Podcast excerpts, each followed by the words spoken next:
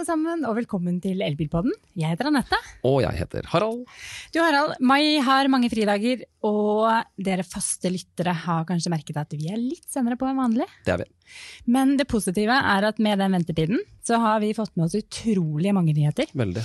Hvis du er interessert i elbil, har den siste måneden vært som 17. mai, julaften, Melodi Grand Prix og bursdag. Alt annet, alt sammen på en gang. Ja, absolutt. Vi har hatt 450 biljournalister i Oslo som har kjørt splitter nye Mercedes-Benz EQC. Mhm. Honda har vist frem Honda E. Eh, Vi har kjørt oppgraderte Nissan Leaf. Og Skoda og Opel har sluppet nyheter om sine små elektriske bybiler. Og ikke minst har Volkswagen endelig åpnet reservasjonslistene for sin ID3. Ja, det var på tide. Og det er den bilen vi skal prate mer om, Harald. Ja. Og da har vi fått enda en Harald inn i studio. Min navnebror. Jeg. Og det er Harald Edvardsen Eibak, som er direktør i Volkswagen Norge. Velkommen til studio. Hjertelig tusen takk. Veldig hyggelig å være her. Endelig i studio. Ja, tenke seg til. Ja, for vi eh, så hverandre på Genévemessen. eh, I alt det koket som var der. Eh, da snakket vi om ID3. Eh, så var det, liksom, det var ikke så mye du kunne avsløre akkurat da. Men nå, Harald Eibak, kan du være litt mer konkret om ID3, denne sagnomsuste elektriske Volkswagen? Ja, det vil jeg veldig gjerne benytte anledningen til. Eh, Vi er veldig stolte og ydmyke og har fått muligheten til å åpne denne forhåndsbestillingen av eh, denne nye ikoniske, vil vi si, eh, Volkswagen ID3 First Edition, en spesialutgave som da vi startet forhåndsbestilling 8. mai, i, nå bare for et par uker siden. Og eh, det er eh, noe vi gledet oss eh, ekstremt mye til. Ehm, og samme dag så ble jo også da bilen vist i produksjonsklar utgave, med riktignok litt kamuflasje og litt på, så vi skal jo beholde stemningen og Dobbel kamuflasje til og med. spenningen til og med en stund til. Eh, og det var en kul milepæl for oss. Eh, og det er jo så viktig for Volkswagen det her, at det er egentlig den tredje milepælen litt i Volkswagens historie. Hvor vi startet med bobla og deretter Golfen. Og så viktig blir denne modellen for Volkswagen at dette blir eh, steg tre. Ja, for nå, dette er, for Volkswagen i Norge så er dette steg tre. Altså bobla og Golfen på, på 70-tallet, og ID3 nå. Ja, det stemmer. Og det som gjør det hele, hele dette konseptet veldig spennende, at det er jo det er bygd på en helt ny plattform. En plattform som da kalles MEB, eh, og er en plattform som er skalerbar 100% Så det er ikke bare én bil vi nå lager for akkurat denne modellen. Det er en plattform som er skalerbar i både lengde- og bredderetning til å kunne håndtere både mindre biler, så kunne du kanskje se for seg en ID2 eller ID1, eller hva vet vi. Navnet tilsier jo litt det, at det kommer noen flere. Ja, og ikke minst større modeller, som Men- men- ID4 og så videre. Men Harald Eibakk, vi må forklare uh, plattform. Uh, hva er en plattform? Ja. Vi kan jo gjøre en sammenligning med en Volkswagen Golf, som vi alle kjenner i dag, som du får som bensin og som diesel. Du får den, eh, eh, en, du får den med gass, og du kan få den som en plug-in hybrid. Og du kan også få nå, som eh, vi har solgt veldig mye av i Norge i lang tid, en elektrisk Golf. Alt er jo bygd da på samme plattform, som egentlig i prinsippet har blitt laget for å optimalisere med en ordinær forbrenningsmotor. Og for en e-Golf da, i dette tilfellet, har vi puttet litt batterier her og der, som passer seg best eh, for å få dette til å bli bra. For å få det til å gå opp? Og eh, det er jo det som skiller denne plattformen fra denne MEB-plattformen. Da har du fristilt deg fra alt som heter mellomaksel, du har ikke noe, trenger ikke noe plass til noe eksosanlegg og ikke noe bensintank og ingenting av disse tingene. Så har du et elektrisk batteri i bånn som sikrer at du får veldig bra tyngdepunkt i bilen. Du får flatt gulv, og du kan leke med innvendig plass på en helt annen måte enn det du kan med en vanlig forbrenningsmotor. Da. Og Altså, ikke, Både du og jeg har bygd Lego. ja, Ja. Det har jeg òg. Ja, det har også. Og vi husker jo disse eh, platene, eh, store platene, som du satte hjul på foran og bak. Ja. Og så kunne vi bygge hva vi ville oppå med legoklosser. Ja. Der vi er litt der, ikke sant? Vi er litt der, og litt eksempler på det er jo at eh, denne Volkswagen ID3 er jo egentlig en bil som sånn i forhold til ytre dimensjoner er litt kortere enn en tilsvarende Volkswagen Golf. Men i forhold til akselavstanden så er det nesten 12 cm lengre akselavstand mellom for- og bakaksel, som da kommer direkte til knyt tilknytning til innvendig rom for en kunde å sitte i. Ja. Så jeg får avsløre det, at for to dager siden så var vi faktisk en av få utvalgte som fikk komme til det aller helligste dere, og oppleve Volkswagen ID i produksjonsklar utgave, og den prøvekjørte vi. Oi, så du har kjørt ID3? Så vi kjørte den for tre, to dager siden, ja. Veldig magisk opplevelse. Kanskje ikke så overraskende at jeg syns det. Men, eh, og eh, når jeg satt foran og satt bak, eh, fordi vi hevder jo at eh, en ID vil jo i ytre dimensjoner være som en Golf. I indre dimensjoner, f.eks. i sitteplass og plass til, eh, til uh, føreren foran, er det noe vesentlig større enn en tilsvarende bil i dag. Nettopp pga. at du har den fleksibiliteten. da. Men altså, eh, nordmenn gikk jo som vanlig amok da, på denne lanseringsdagen. Eh, og også for dere så, så tryna jo serverne. Hva, vi er helt gærne, vi. Eh, vi er jo veldig stolte og glad og ydmyke for at det er så stor interesse for, eh, for uh, Volkswagen-produktene, og veldig glad for det. og Vi hadde samlet mange leads i forkant, og mange hadde gledet seg til å gjøre dette, og til og med satt opp kalenderinnkalling for seg selv på jobben sin for å rekke 18, dette. 18 000 som sto på nyhetsbrevlisten, var det det? Ja, vi, vi, rundet faktisk over 20 000, ja.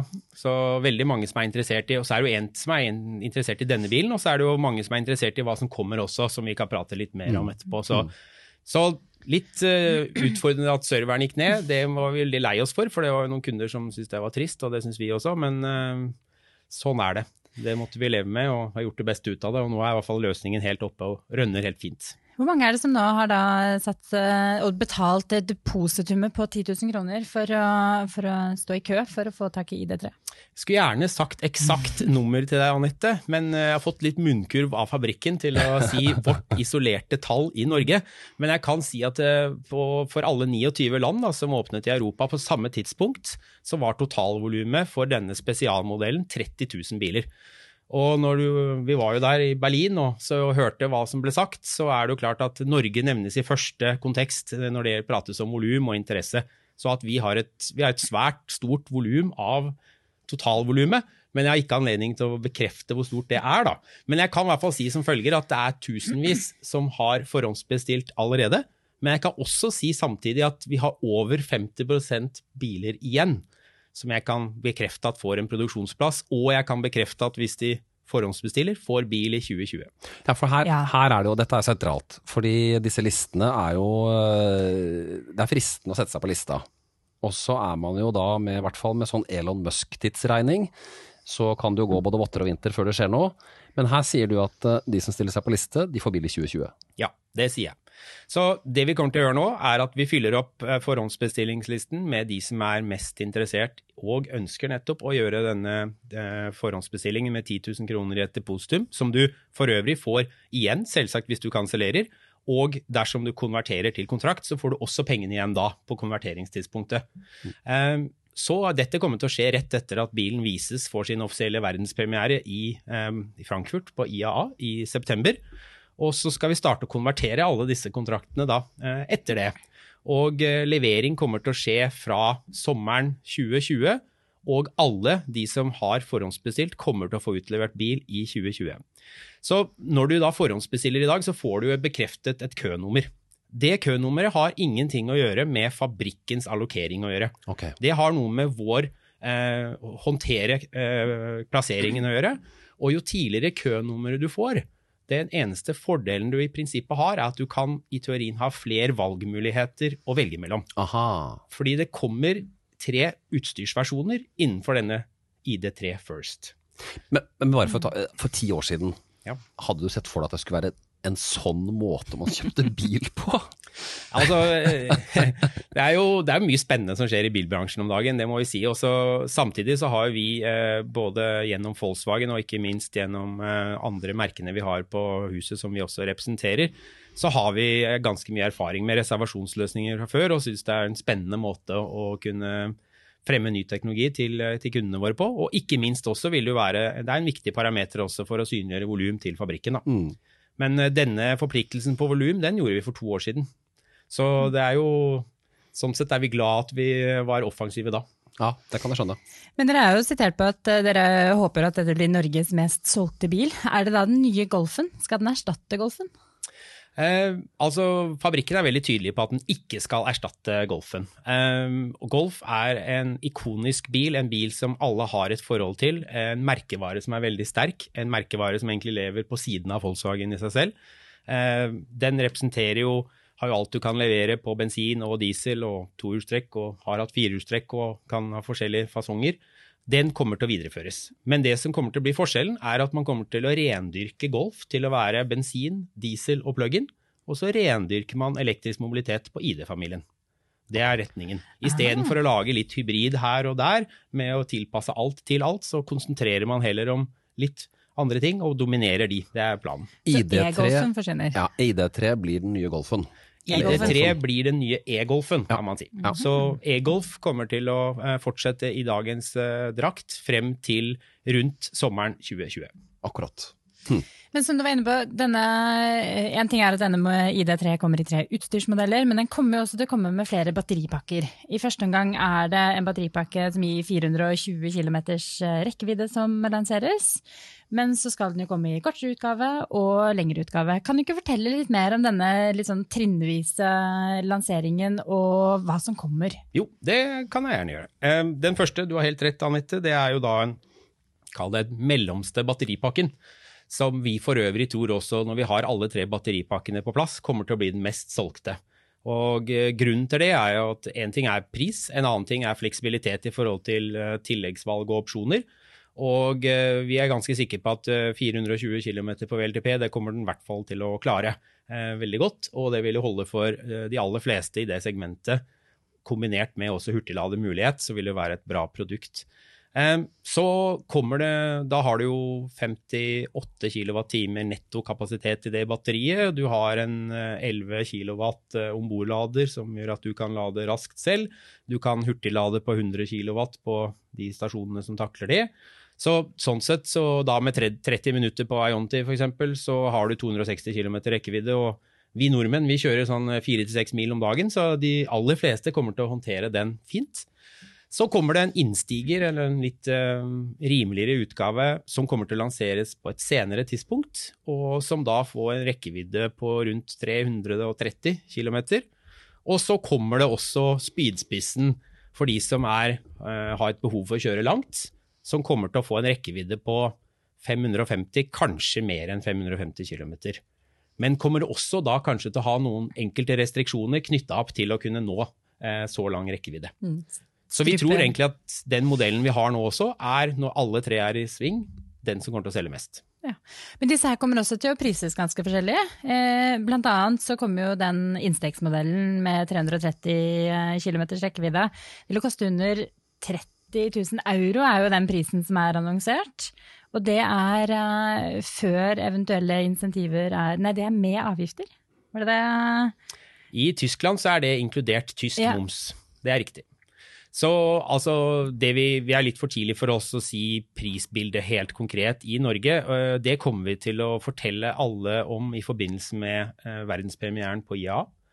Og eh, da helt konkrete priser både på ID3 generelt sett, og ikke minst på disse ID3 First-modellene.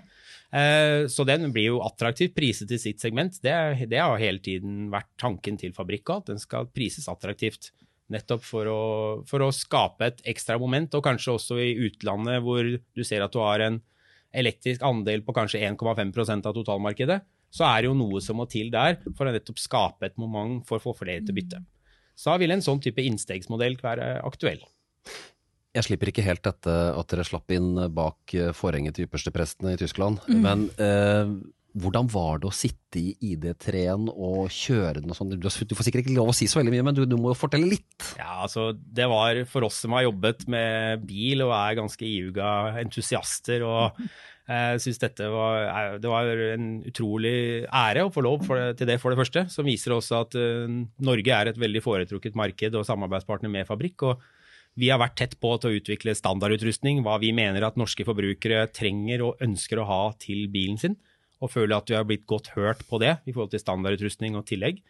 Så da få lov å være med ned og oppleve, komme med tilbakemeldinger og sitte sammen med en tekniker som har 100 sånne miksebord og litt av hvert i, i bilen, og du kan ha benet ditt der og ikke der, og det var en ganske spesiell opplevelse. Eh, vi kjørte på en lukket eh, bane og fikk også testet akselerasjon og rekuperasjon, og ikke minst eh, kjøredynamikk, som var veldig spesiell. og du merker når du har batteripakken liggende så nære bakken, og ikke minst eh, store hjul som er ute i hver sin ende, og en litt sånn gokart-følelse, så var det en tøff, morsom bil å kjøre som jeg tror norske forbrukere kommer til å like. og det, ja, det var en stor ære, rett og slett. Den er Også- annerledes enn dagens e-golf, det er det ingen tvil om. Nå er vi veldig glad i dagens eh, e-golf også. Si det. Eh, så, men det var en annen opplevelse, det Ja. må vi si. Og en forskjell også som kanskje er viktig å påpeke, er at eh, ID3 eh, den kommer til å ha motoren bak og få bakhjulstrekk. Nettopp. Og da betyr det med vekten lavt, tyngdepunkt lavt, hjul i hver ende, umiddelbart moment. Det kommer til å bli en ganske morsom bil ut fra lyskrysset.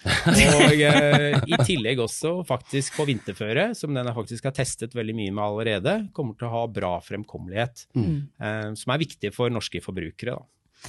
Men du, før du begynte i Volkswagen, eh, så var du jo faktisk merkesjef for Audi Ja. i, eh, i Møller. Så dette her med kjøreglede, det tror jeg ligger deg ganske nært til, Ja eh, nært til hjertet. Så dette her med, mange er, lurer litt på dette her, blir kjøregleden, får vi med kjøregleden over til, eh, over til elbilene? Ja, det, det kan vi garantere at vi kommer til å gjøre. Det er en annen kjøreopplevelse, men minst like sporty, kanskje mer sporty, vil jeg hevde. Og det kommer til å komme morsomme modeller også fra Volkswagen-systemet, kanskje som kan inspirere til de litt mer racing- racing-genene også, litt ned gaten. Det Ja, altså så vi jo, vi så jo Buggy-utgaven i, eh, i Genéve, og den er jo ganske morsom. ja, Ja. absolutt. Ja. Men eh, vi må, fra, fra moro til alvor, vi må også snakke litt om, eh, tilbake til pris. Dette her med at elbilen skal være konkurransedyktig i pris med bensin- og dieselbilen. For vi vet jo at vi nærmer oss, eh, vi nærmer oss at eh, momsen mest sannsynligvis kan fases inn igjen. Vi vet jo ikke hva som skjer der.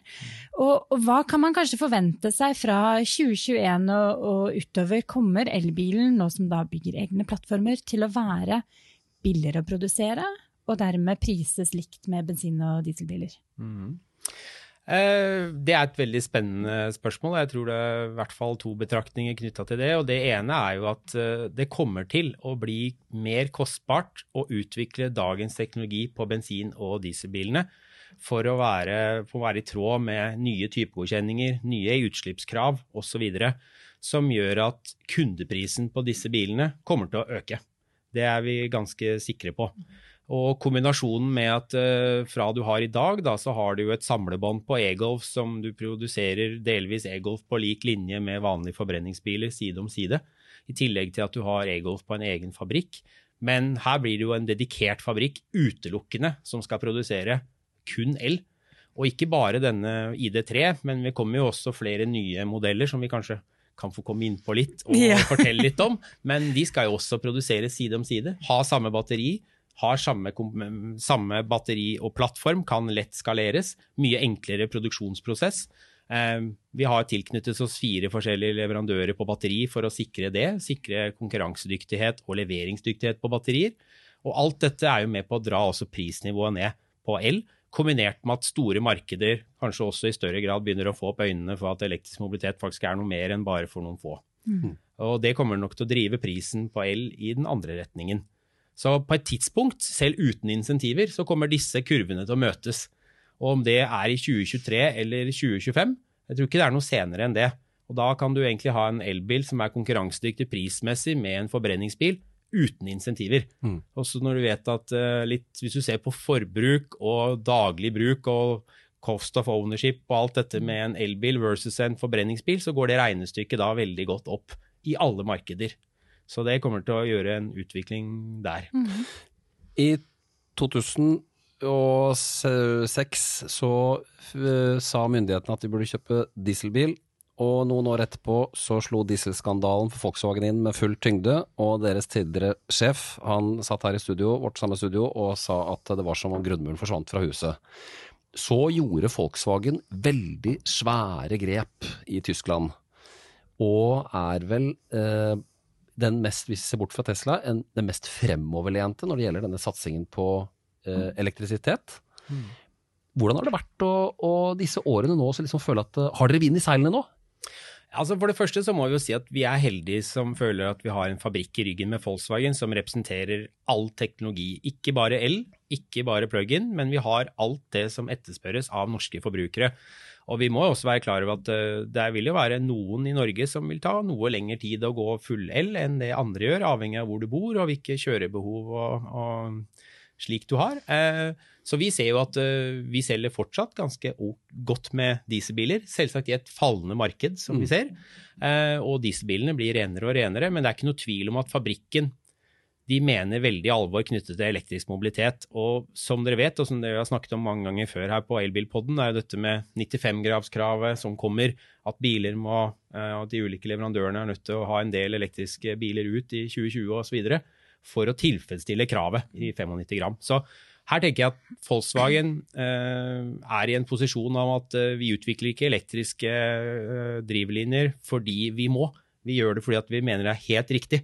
Og eh, fabrikken de satser jo massivt på eh, utvikling, og det er allerede nå rundt 20 modeller i konkret utvikling av elektriske modeller på Volkswagen. Og gruppen totalt sett, Volkswagen Gruppe, sier jo at uh, i 2030 så skal 40% av totalvolumet på verdensbasis være fullelektrisk og vi skal ha 70 modeller som skal representere det. Ja, bare for å forklare lytteren det, altså Møller er jo en importør av et bilmerke fra Tyskland, eller flere. Uh, så dere er jo avhengig av, dere er jo ikke importørens forlengede arm, men dere er en privat bedrift som importerer bilmerker til Norge.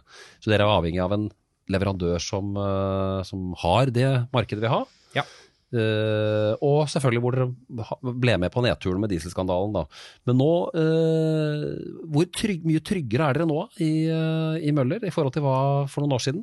Det, har vi vind i seilene? Vi føler virkelig at vi er med på riktig lag, som ja. ønsker å investere for fremtiden og hva fremtidens mobilitet skal innebære. Og ikke minst har kanskje også tatt konsekvensene av at man, den krisen vi har vært gjennom, som var, var forferdelig trist for alle involverte. og er noe man ønsker å komme ut av, selvsagt. Og jeg føler med dette steget at man har tatt et viktig steg i riktig retning eh, for å nettopp sikre fremtidsmobilitet. Da. Og det, det, merker vi når vi er på fabrikken nå, at det uh, har veldig stor oppmerksomhet. For her skal det produseres mange biler. Ja, det skal det. Og det er jo greit at vi i Norge er utrolig glad i elbiler og virkelig benytter oss av de kjøpsinsentivene som finnes. Men, men hva med resten av verden?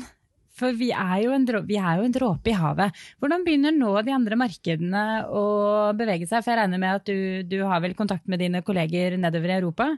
Hvordan begynner der og, markedene der å, modne nytt for elektrifisering? Ja, vi kan jo ta et eksempel knytta opp til den ID3 First reservasjon og forhåndsbestillingsløsningen vi nå har.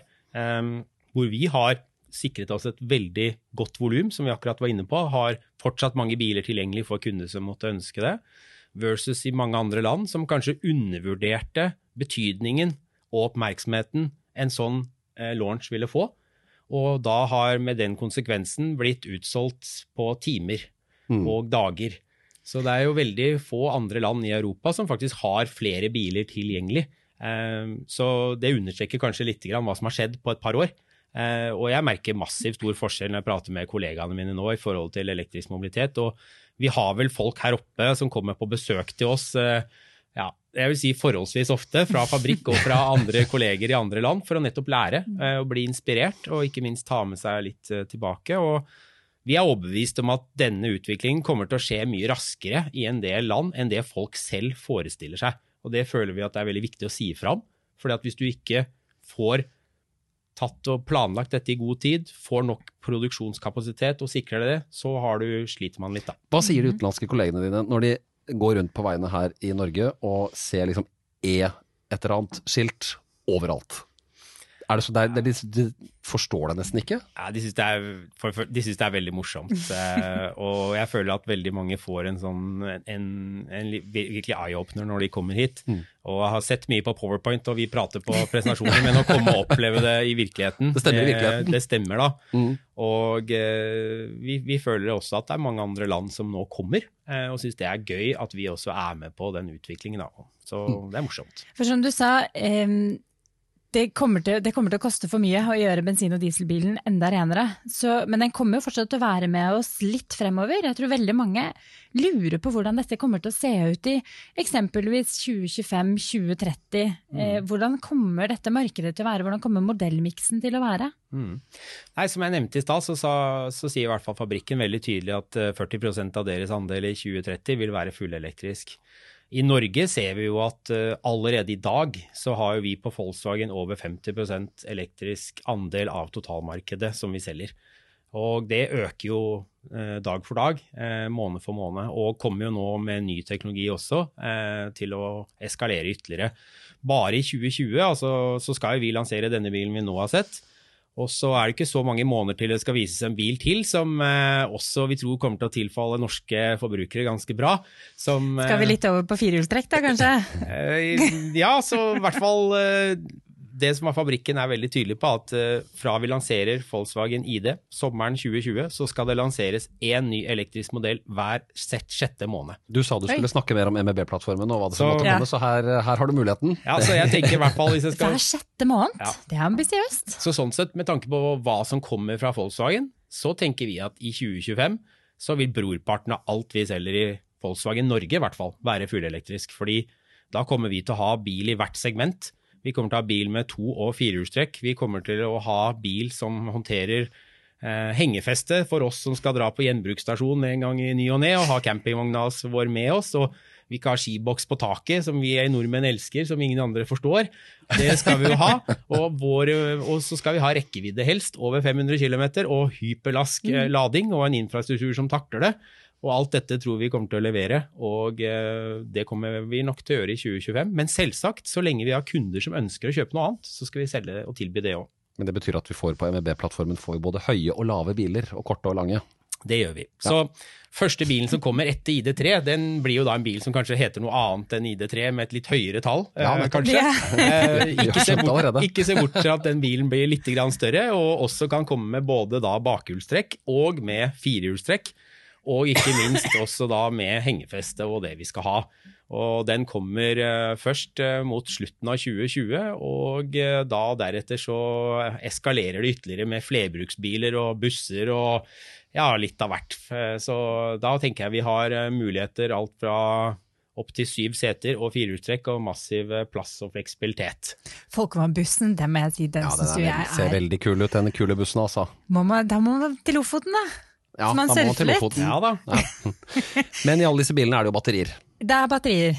Mange store batterier. Ja. Og eh, vi kan ikke ha en episode uten å komme innom eh, litt det etiske ansvaret som eh, faktisk bilprodusentene nå har fått. Mm. Eh, både når det gjelder eh, bruk av eh, råvarer, også ha full kontroll på leverandørkjeden. så vi leser jo at Volkswagen ID skal bli den første serieproduserte modellen som blir produsert klimanøytralt. La oss begynne der. Hva betyr det?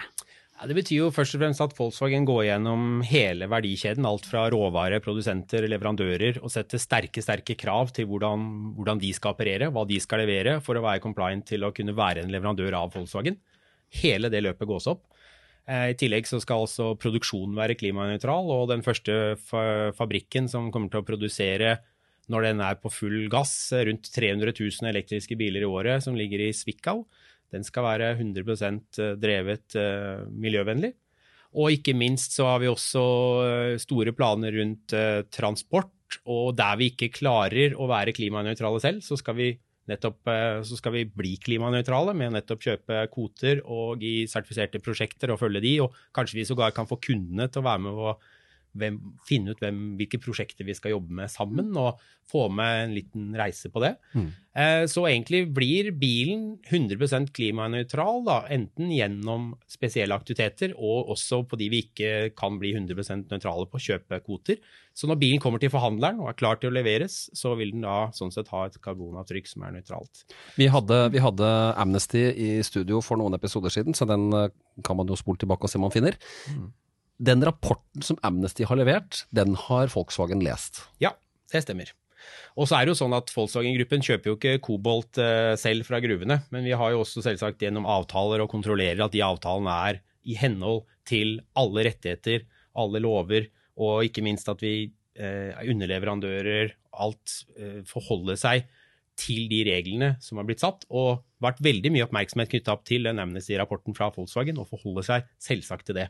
Så det, det, det, er viktig for oss, da. Og det er klart, det er igjen det vi snakket om tilsvarende tidligere i dag, med dieselsaken og alt det Folstam har vært gjennom. Ikke vær i tvil om at uh, dette ses veldig mye på, da. Fordi Man har, vel, man har vel nok å tape for å ikke se på den, for å si det sånn.